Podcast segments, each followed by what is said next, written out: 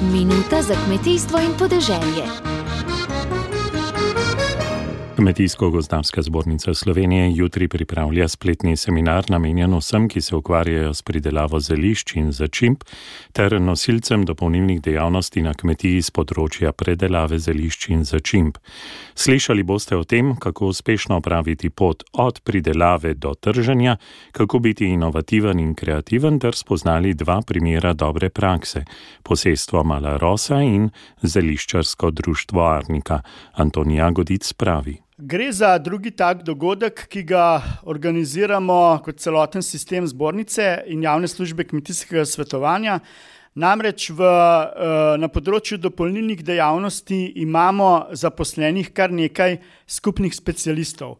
Prvi tak dogodek je bil konec februarja, ko smo predavali in pa veliko novih informacij podali strani predelave zelenjave in poljščin. Ta seminar, ki ga napovedujemo za četrtek, enajstega marca, s pričetkom ob deveti uri, pa je namenjen nosilcem ter članom kmetij, ki se ukvarjajo s pridelavo zelišč in začimb, ter nosilcem dopolnilnih dejavnosti na kmetiji s področja predelave zelišč in začimb. Na samem seminarju se bomo sprehodili skozi te, zanimive teme in pa predstavljene, to je zelo zanimivo, vedno so tudi dobre prakse, namreč če nekaj deluje na eni kmetiji, najbrž ni razloga, da ne bi tudi na drugi. Za prvi seminar je vladalo kar precejšnje zanimanje, mi smo zabeležili preko dvesto dostopov in ob tako lepem vremenu, takrat je bil pravzaprav cel dan je sijalo sonce, pa smo obdržali skoraj štiri ure, naše udeležence, kar pomeni, da je bilo, dovolj zanimivo. Za to predavanje v četrtek se je potrebno prijaviti, informacije so na naših spletnih straneh in vsi prijavljeni potem dobite tudi vsa nadaljnja navodila.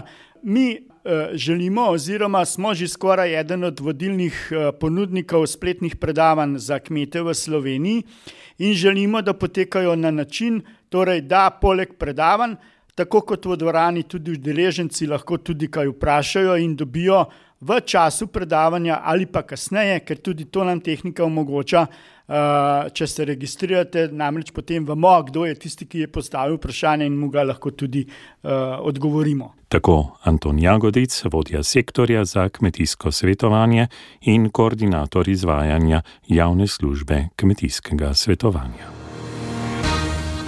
Dobro se je zavedati: kmetijstvo nas vse preživlja.